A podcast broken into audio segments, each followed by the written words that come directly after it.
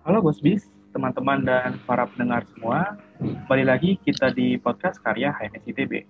Perkenalkan, saya David Gurning dan juga didampingin oleh teman saya. Fitra Hartanto. Uh, dan kami akan membawakan podcast pada kali ini. Nah, saat ini kita bakal ngapain ya Fitra? Nah, seperti biasa, kita bakal kedatangan nih narasumber guest speaker yang keren-keren dari bos-bos HMS ITB. Di kesempatan kali ini, kita bakal ngomong-ngomong dan bincang-bincang seru dengan bos-bos kita, yaitu tim Kuyabis Easy Peasy. Yang mana tim ini berhasil memenangkan lomba sebagai juara satu BIM Wika Award 2020 kategori road modeling yang diadakan oleh PT Wijaya Karya. Nah, dari sharing yang bakal dilakukan di sini, semoga teman-teman bisa terinspirasi dan para pendengar, terutama anggota MS, juga bisa termotivasi untuk mulai berkarya di berbagai kompetisi yang ada. Semoga podcast ini bermanfaat untuk kita semua. Bisa kita sapa uh, langsung nih. Nah, bisa kita langsung sapa dulu nih uh, tim Kuya Bis Easy Peasy. Selamat siang kalian. Apa kabar nih kak? Baik, baik. Alhamdulillah. Alhamdulillah. Sehat bro. Baik. Semangat, semangat nomor satu. Semangat nomor satu mantap. Nah, mungkin dari Kak sekalian bisa memperkenalkan diri dulu nih, Kak. Boleh, boleh. Uh, ya, kenalin semua. Kami bertiga dari tim Kuyabis Easy Peasy. Saya sendiri uh, Rizky Albayan dan dua teman saya. Pin gas. Ya, halo teman-teman. Aku Adika Bagaskoro bisa dipanggil Agas. Lanjutin. Oke, halo juga teman-teman. Kenalin nama gue uh, Alvin Farhan Muhammad. Biasa dipanggilnya Alvin. Mantap. Nah, jadi kita pengen sharing nih ke teman-teman pendengar sekalian terkait bagaimana sih kakak bisa memenangkan lomba BIM Award kemarin bersama dengan Kak Agas, Kak Alvin, dan Kak Bayan. Silakan David. Makasih banyak nih untuk Kak Bayan, Kak Alvin, Kak Agus udah mau menyempatkan waktunya bersama kami untuk sharing-sharing dikit lah tentang lomba di Wika Award dan karya yang dihasilkan. Nah Kak, mungkin nih langsung aja. Untuk yang pertama, supaya bisa dapat gambaran juga, boleh dijelasin sedikit nggak tentang lombanya ini seperti apa, dan juga mungkin bisa dipaparin juga tentang hasil karyanya. Oke, mungkin gue coba jelasin sedikit kali ya. Nah, jadi sebenarnya lomba yang kita ikutin itu kategori road modeling. Nah, road modeling ini tuh sebenarnya kalau di anak-anak sipil ITB tuh tahu pasti mirip-mirip sama makul uh, perancangan geometrik jalan gitu. Sebenarnya mirip-mirip. Nah, di lomba ini juga sama. Jadi kayak nanti kita dikasih data kontur, data topografi gitu, terus nanti kita dikasih ketentuan oh harus membuat uh, sebuah jalan jalan tol ya khususnya di sini. Nah nanti ditentuin titik awal sama titik akhirnya. Nah tugas kita adalah membuat sebuah jalan tol yang memenuhi standar geometrik jalan dengan biaya yang paling murah dan pastinya juga memenuhi standar-standar yang ada gitu di mana karena di sini temanya adalah building information modeling jadi kita pakai software BIM gitu. Yang mana software yang kita pakai waktu itu itu Civil 3D sama InfraWorks. Dan hasilnya itu hasil karya kita itu jadi sebuah jalan tol dari Padang ke Pekanbaru sepanjang 35 km terus uh, waktu itu kita berhasil buat mangkas biayanya jadi sekitar total hanya 1,2 triliun dan itu semua berkat uh, bantuan dari penggunaan software BIM gitu.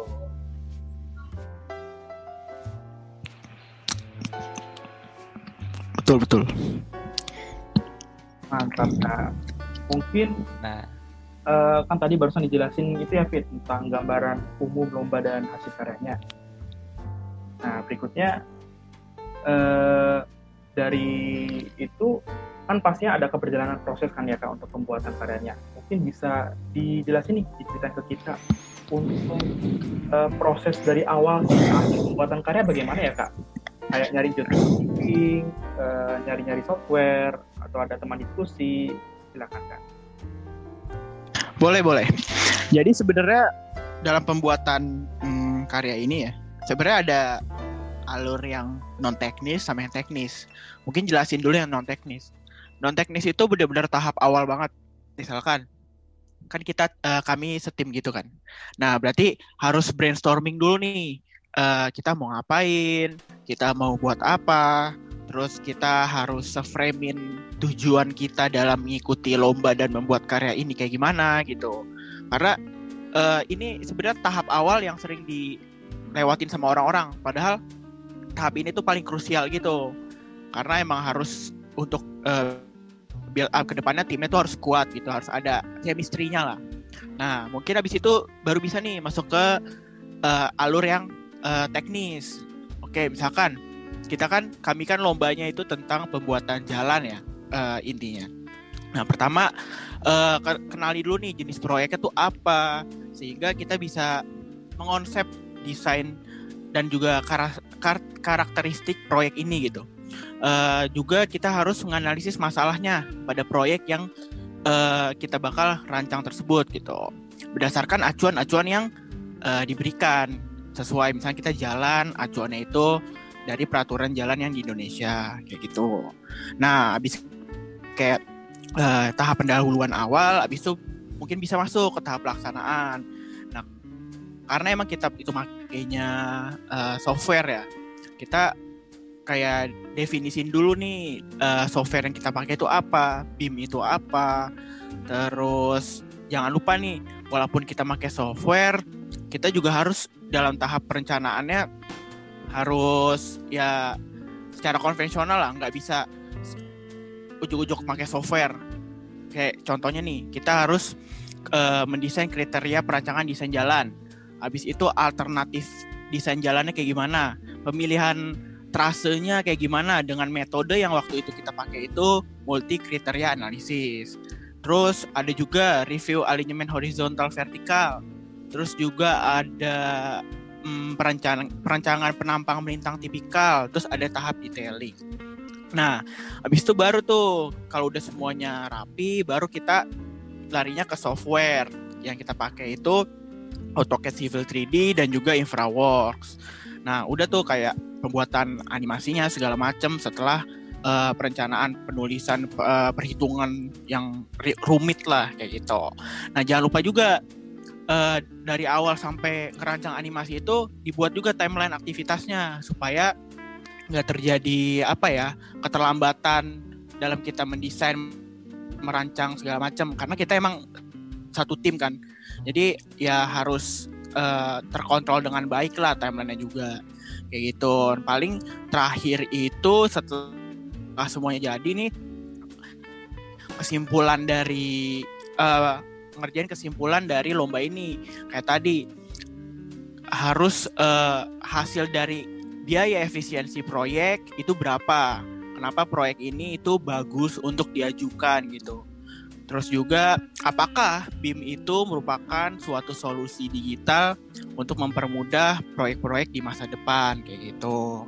Paling itu kalau misalkan mau tahu tentang proses pembuatan karya dari awal.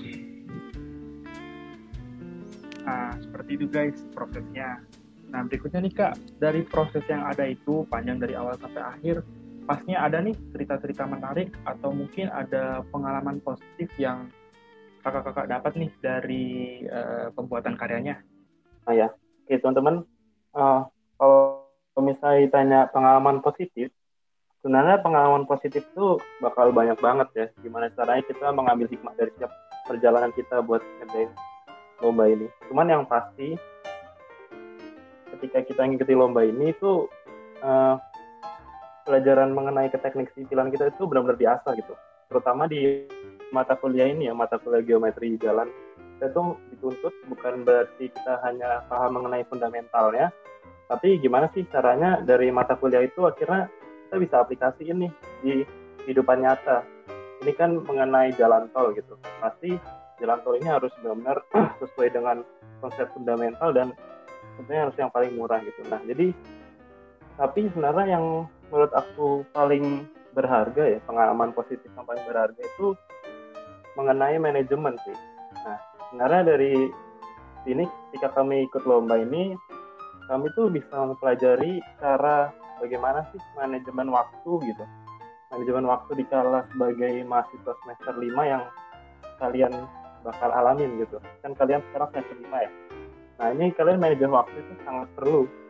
Di mana kesibukan antara akademik kesibukan antara hobi atau uh, mau bucin itu gimana sih caranya biar tetap seimbang gitu dan itu nggak bisa kalau nggak nggak ngikutin hal kayak gini ini kan bakalan kalian benar-benar dituntut untuk bisa manajemen waktu itu.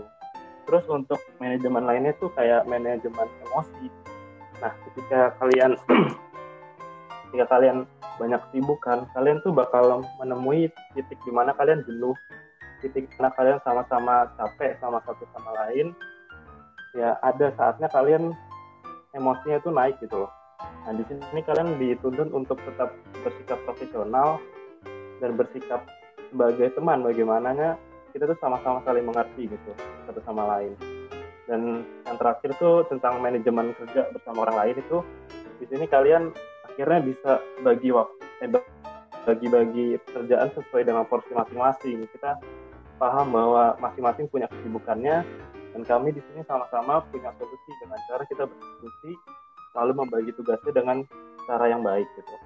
Nah sama yang terakhir itu aku juga belajar kalau misalnya kita tuh tidak usah apa ya tidak usah terlalu berkecil hati gitu karena sebenarnya minimum minimum progres di hari itu itu tuh selalu ada progres gitu jadi meskipun sedikit apa yang kita kerjakan itu pasti dapat ada sesuatu gitu ada yang dipelajari.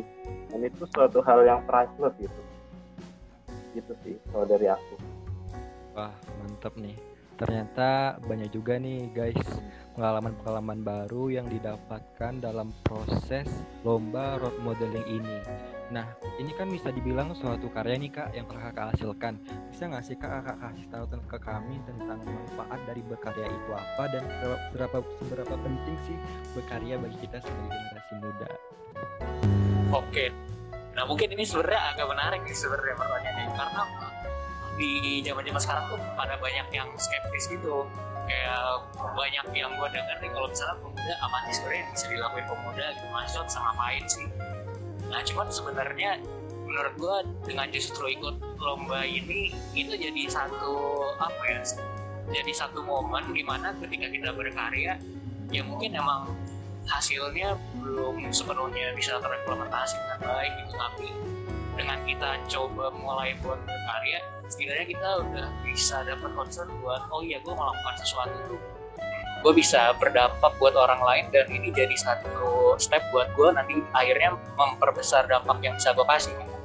Ya, misalnya dengan gue belajar di lomba ini buat saya jalan tol yang baik ya akhirnya nanti gue sadar gitu bahwa sebenarnya proses untuk memberikan dampak itu panjang dan gue uh, udah mencoba buat bisa terjun langsung gitu. Dan ketika prosesnya pun gue sadar gitu bahwa gue harus terus mencari lebih luas lagi lebih jauh lagi karena sebenarnya karya-karya yang dihasilin itu masih jauh lah dari bilang perfect atau bahkan bisa langsung diimplementasi jadi simple kenapa kita ber, kenapa kita harus berkarya?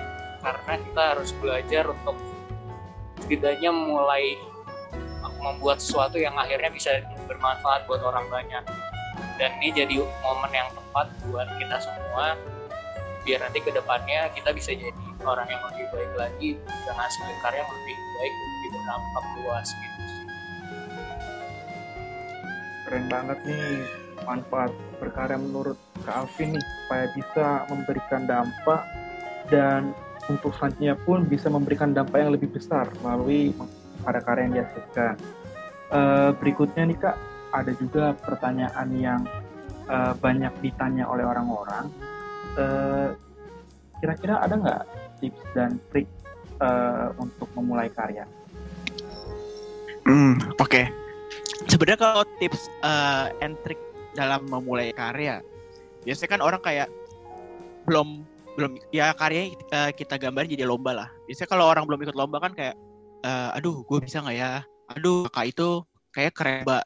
Kayak gue gue nggak bisa deh buat kayak gitu nah itu tuh stigma yang harus dihilangin sebenarnya karena kami bertiga nih kami bertiga itu memulai perjalanan karya kemarin itu dari ngelihat uh, kakak-kakak atas nih bos bis atas yang ikut lomba atau yang udah membuat karya menghasilkan karya itu tuh kami jadi semangat gitu kayak oh uh, mereka tuh bisa ya ternyata nah uh, kit, kami tuh waktu itu kayak kita harus coba juga nih.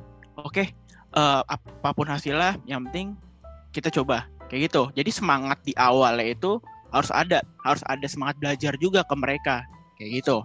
Nah setelah uh, kami masing-masing tuh udah punya semangat terus nyari tim nih yang bisa kerjasama dengan baik dan chemistry-nya itu dapat karena supaya apa ya? Karena di sini tuh teamwork penting banget. Nggak sekedar uh, bertiga terus oke okay, gue ngerjain A lu ngerjain B lu ngerjain C nggak kayak gitu. Banyak banget hal yang membutuhkan ikatan dari masing-masing anggota uh, dalam tim itu benar-benar krusial lah itu nah habis itu udah nih dapet timnya. Kenali tujuannya. Tujuan mengikuti lomba. Tujuan membuat karya tersebut. Apakah kalau misalkan lomba ya apakah mau sekedar menang doang kah atau sekedar dapat ilmu doang kah? Atau misalkan sekedar iseng-iseng ikut lomba doang kah? Itu bebas, balik lagi ke tujuan tim tadi, kayak gitu. Nah, terus juga pas perjalanannya mungkin jangan pernah nyerah kayak yang dibilangin sama uh, bos Agas. Jangan pernah nyerah uh, karena pasti tiap hari ada aja suatu progres gitu. Tiap hari pasti ada aja jalan dan semua usaha nih walaupun susah banget uh, insya Allah bakal ada hasilnya. Nah, paling yang terakhir itu jangan lupa dari awal sampai akhir sampai pasca berkarya jangan lupa untuk semangat nomor satu kayak HMS itu keren Mantap. jadi ternyata kita tuh perlu semangat dan yakin untuk memulai sesuatu serta menghindarkan stigma-stigma negatif nih guys untuk memulai sesuatu yang baru nah kita bakal lanjut nih ke pertanyaan yang biasa ditanyakan dan umumnya menjadi suatu permasalahan bagi generasi kita yaitu kaum mahasiswa tentang time management. Jadi gimana sih kak cara kakak membagi waktu antara akademik, organisasi, mengikuti lomba dan lain-lain? Oke, oh ya nah bener banget nih teman-teman. Ini tuh suatu masalah yang, yang menurut aku di zaman sekarang dan terkhususnya untuk mahasiswa ITB itu ini relate banget nih buat membagi waktu itu gimana sih. Nah kalau ini dari pengalaman aku ya kalau misalnya teman-teman lain punya cara yang lain itu bisa banget. Karena emang menurut aku ini depend sama orangnya itu sendiri sih gimana cara ngedealnya. Kalau dari aku sih itu yang penting tinggi ini adalah jujur jujur ke siapa? Jujur ke diri sendiri dan ke orang lain. Yang pertama itu yang pasti kita harus jujur ke diri kita sendiri nih. Kita nih yang paling mengenal diri kita sendiri kan? Kita harus jujur nih kalau misalnya kita itu punya kemampuannya sampai mana sih batasnya sampai mana? Nah ketika emang kita tidak cukup untuk bisa mengikuti semuanya ketika kita tidak bisa menggapai semua ambisi-ambisi kita kita harus jujur ke diri kita sendiri. Kita tuh harus milih suatu suatu pilihan gitu. Misalnya emang pada dasarnya kalau aku misalnya nggak bisa mengimbangi akademik dengan lomba gitu akhirnya ya aku lepas aja lombanya. Karena aku jujur sama diri aku sendiri kalau tubuh aku ini nggak bisa dibohongin. Kalau misalnya aku ikutin semuanya ya bisa bisa ancur semua gitu. Itu yang pertama jujur sama diri sendiri. Yang kedua adalah jujur sama lingkungan sekitar sama siapa pun itu yang kalian berinteraksi. Uh, jujur ke orang lain itu gunanya buat apa sih? Sebenarnya itu sebagai uh, apa ya solusi agar orang lain itu tidak merasa terugikan dengan kehadiran kalian. Kalau misalnya kalian uh, susah antara bagi waktu dan itu menjadi solusi bagi keduanya ketika mereka tahu kita mengalami kesulitan dalam membagi waktu, mereka juga akhirnya paham sendiri kok cara nge kita gitu. Misalnya aku jujur ke teman futsal aku kalau aku sekarang lagi ada lomba nih. Jadi kemungkinan waktu aku banyak di lomba ini dan tentunya akademik. Nah teman-teman futsal aku juga ngerti gitu kalau misalnya aku akhirnya susah jarang latihan atau gimana gitu. Akhirnya kita juga berdiskusi waktu yang tepat buat latihannya kapan gitu. Nah kurang lebih gitu sih kalau misalnya dari aku kuncinya adalah jujur sama diri sendiri dan jujur kepada orang lain gitu. Kalau misalnya kita ini sedang ada kesulitan dalam membagi waktu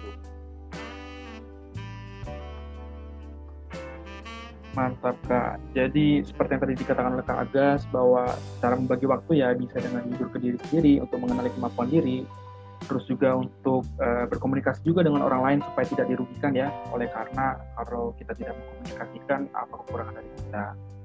Nah, tadi kan sebelumnya juga sudah di uh, dijelaskan ya Kak tentang uh, uh, tujuan yang ingin dicapai saat memulai karya. Jadi kita harus mengenal tujuan dari pribadi masing-masing itu kita untuk memulai karya itu mau apa sih? Nah, mau nanya nih ke kakak masing-masing. Uh, tujuan pribadi dari masing-masing Kabayan, Kak Agas, dan Kak Alvin apa ya untuk ikut lomba Timika Award dan juga mungkin untuk lomba-lomba lainnya? Oke, mungkin kalau misalnya boleh jawab nih, sebenarnya kan kalau yang pernah ada di poster Cremona tuh itu pertama nih emang kita bertiga niatnya di awal tuh iseng-iseng aja gitu buat lomba. Awal banget. Nah tapi pas kita ngobrol-ngobrol lagi kita mikir ulang sebenarnya ngapain sih kita harus lomba gitu. Nah mungkin uh, nanti bakal dilanjutin sama Aga sama Bayan juga. Nah kalau dari gue sendiri sebenarnya gue ngelihat ketika ada satu kesempatan nih ini lomba lomba desain transportasi yang gue tuh emang passion banget gitu nah ini jadi wadah di mana gue bisa nyari tahu sebenarnya gimana sih pengalaman buat ngedesain yang benar-benar lebih kompleks gitu. Karena sebenarnya apa yang diajarin di kelas tuh masih belum apa ya belum benar-benar ngegambarin hal yang sebenarnya dilakuin. Jadi emang pengalaman di awal gue pengen benar-benar manfaatin momen ini untuk bisa ngegali lebih jauh tentang ilmu-ilmu desain transportasi itu khususnya di desain geometrik jalan tol gitu. Mungkin Bayan oke okay. kalau bi kalau boleh jawab ya tujuannya tuh bener sih kata Alvin. Kayak awal-awal tuh iseng bang iseng. Karena apa ya pengen nyoba wah si bos ini bisa nih. Apa lomba menang keren banget karyanya. Kenapa gua nggak coba aja ya? Kayak gitu beneran. Tapi lama-lama uh, paling kami nge-framein uh, tujuan tim kami itu mau ngapain gitu. Tapi baik lagi kalau misalnya ditanya tujuan pribadi, bener-bener pengen belajar aja sih. Walaupun pengen banget menang sih ya. Namanya ikut lomba ya berkarya gitu pengen pengen banget nih menang. Tapi sejujurnya pembelajaran di dalam lomba itu berapa ya? Dua bulan sampai tiga bulan ya kalau nggak salah. Itu lebih dari sekedar kata menang. Bener-bener dramatis banget sih dan uh, tujuan di awal yang gue bilang pengen belajar itu uh, insya Allah tercapai dan sampai sekarang digunain sih ilmu-ilmu dari tiga bulan itu di kehidupan nyata. Paling ada tambahan dari Agus? Oke, wah ini dari dari Bayan sama Alvin tuh udah sebenarnya ngerangkum banget sih masalah belajar, kira-kira ya sama sih kalau aku karena aku mau nambahin dikit uh, ini benar-benar dari pure dari diri aku tentang gimana sih akhirnya aku ingin ngebuktiin diri sendiri ingin ngebuktiin diri sendiri kalau kalau aku tuh bisa gitu. Maksudnya ya nggak kebayang loh kalau misalnya pertama kali mau ikut lomba pernah lihat apa ya hasil-hasil karya bos yang sebelumnya tuh kayak wow banget. Kayak dia bisa bikin akhirnya bikin prototipe atau bikin suatu video tiga dimensi gitu itu nggak kebayang banget kita. Karena waktu di bangku kuliah kan jarang ya kita waktu itu belajar tentang gitu ya. ini sebagai ajang pembuktian diri kalau misalnya aku percaya nih kalau misalnya orang lain tuh banyak orang di luar sana yang ilmunya tuh lebih dari yang kita punya. Makanya aku ingin coba buktiin kalau akhirnya aku bisa juga kayak mereka. Dan kalau teman-teman tahu di ITB juga sebenarnya kita ini bukan suatu uh, apa ya kampus yang terkenal dengan menang lomba gitu kan nah makanya di sini aku juga ingin ngebuktiin kalau kita ITB bisa juga gitu ngalahin uh, kompetitor kita kayak ITS dan UGM atau UI gitu untuk dalam hal perlombaan gini gitu Oke, keren banget nih guys. Ternyata banyak juga tujuan-tujuan yang ingin dicapai dari kakak-kakak ini.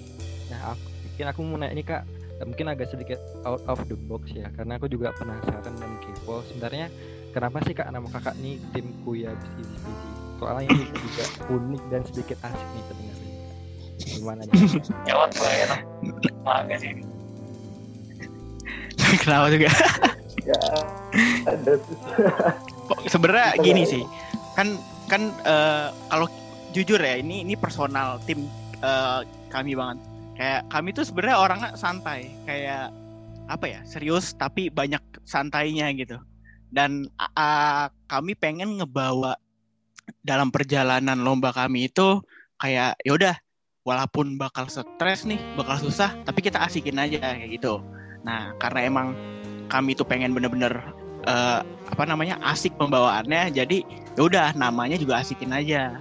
Daripada serius-serius banget jadi ya waktu itu sempat ngasal ngomong gitu. Kita kami tuh ngerasa kayak ah lomba easy lah. Oke easy ini apa nih? Kami kayak bisa uh, kita bisa deh. Bisa lah kita bis gitu. Kayak uh, kita kami kuat gitu. Ngerjain ginian tiga bulan akademik segala macam. Ya udahlah bis easy peasy aja kayak gitu. Kayak gampang lah ngasal doang. Oke keren keren ternyata filosofi filosofi juga menarik nih guys tentang iya iya. balik prosesnya. Gimana David? Ada tambahan nggak? Oh iya nih kak, mungkin juga agak out of the box. Uh, dari uh, mungkin ada rencana nggak kak untuk ke depannya? Meskipun dalam semester 7 ini ya kak, semester 7 udah lumayan berat dengar-dengar, masih ada rencana untuk ikut lomba-lomba lagi nggak kak? Bayan katanya mau lomba lagi sih, kayaknya itu Bayan. Bayan, ya, Waduh, kayaknya semester ini chaos juga ya. uh, lihat nanti kali ya. Oh. Karena udah dapat banyak ilmu lah. Ada yang harus dikerjain lagi. Mantap kan. Gitu. Kalau Agus katanya mau nikah muda di semester 8 jadi dia tujuan hidup.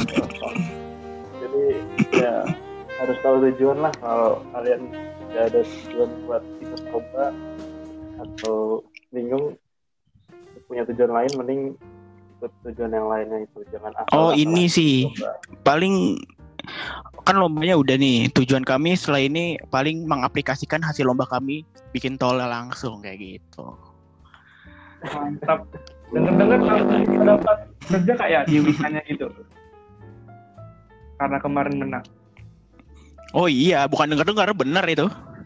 Oh iya benar ya. benar itu. Oh iya nih, kalau salah dong. satu motivasi ikut lomba tuh kemungkinan kerja tuh aman. Cuman mau kerja di situ atau enggak nggak tahu kita. oh.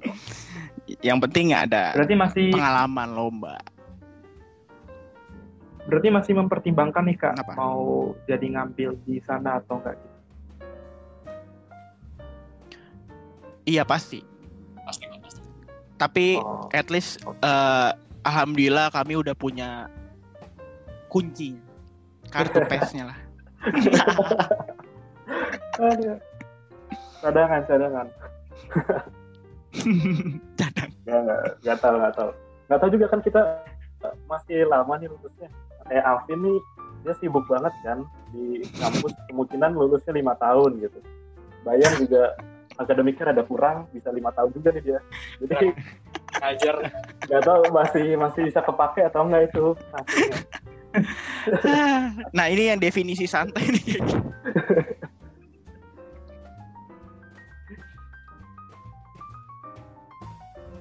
paling itu sih. Oke oke.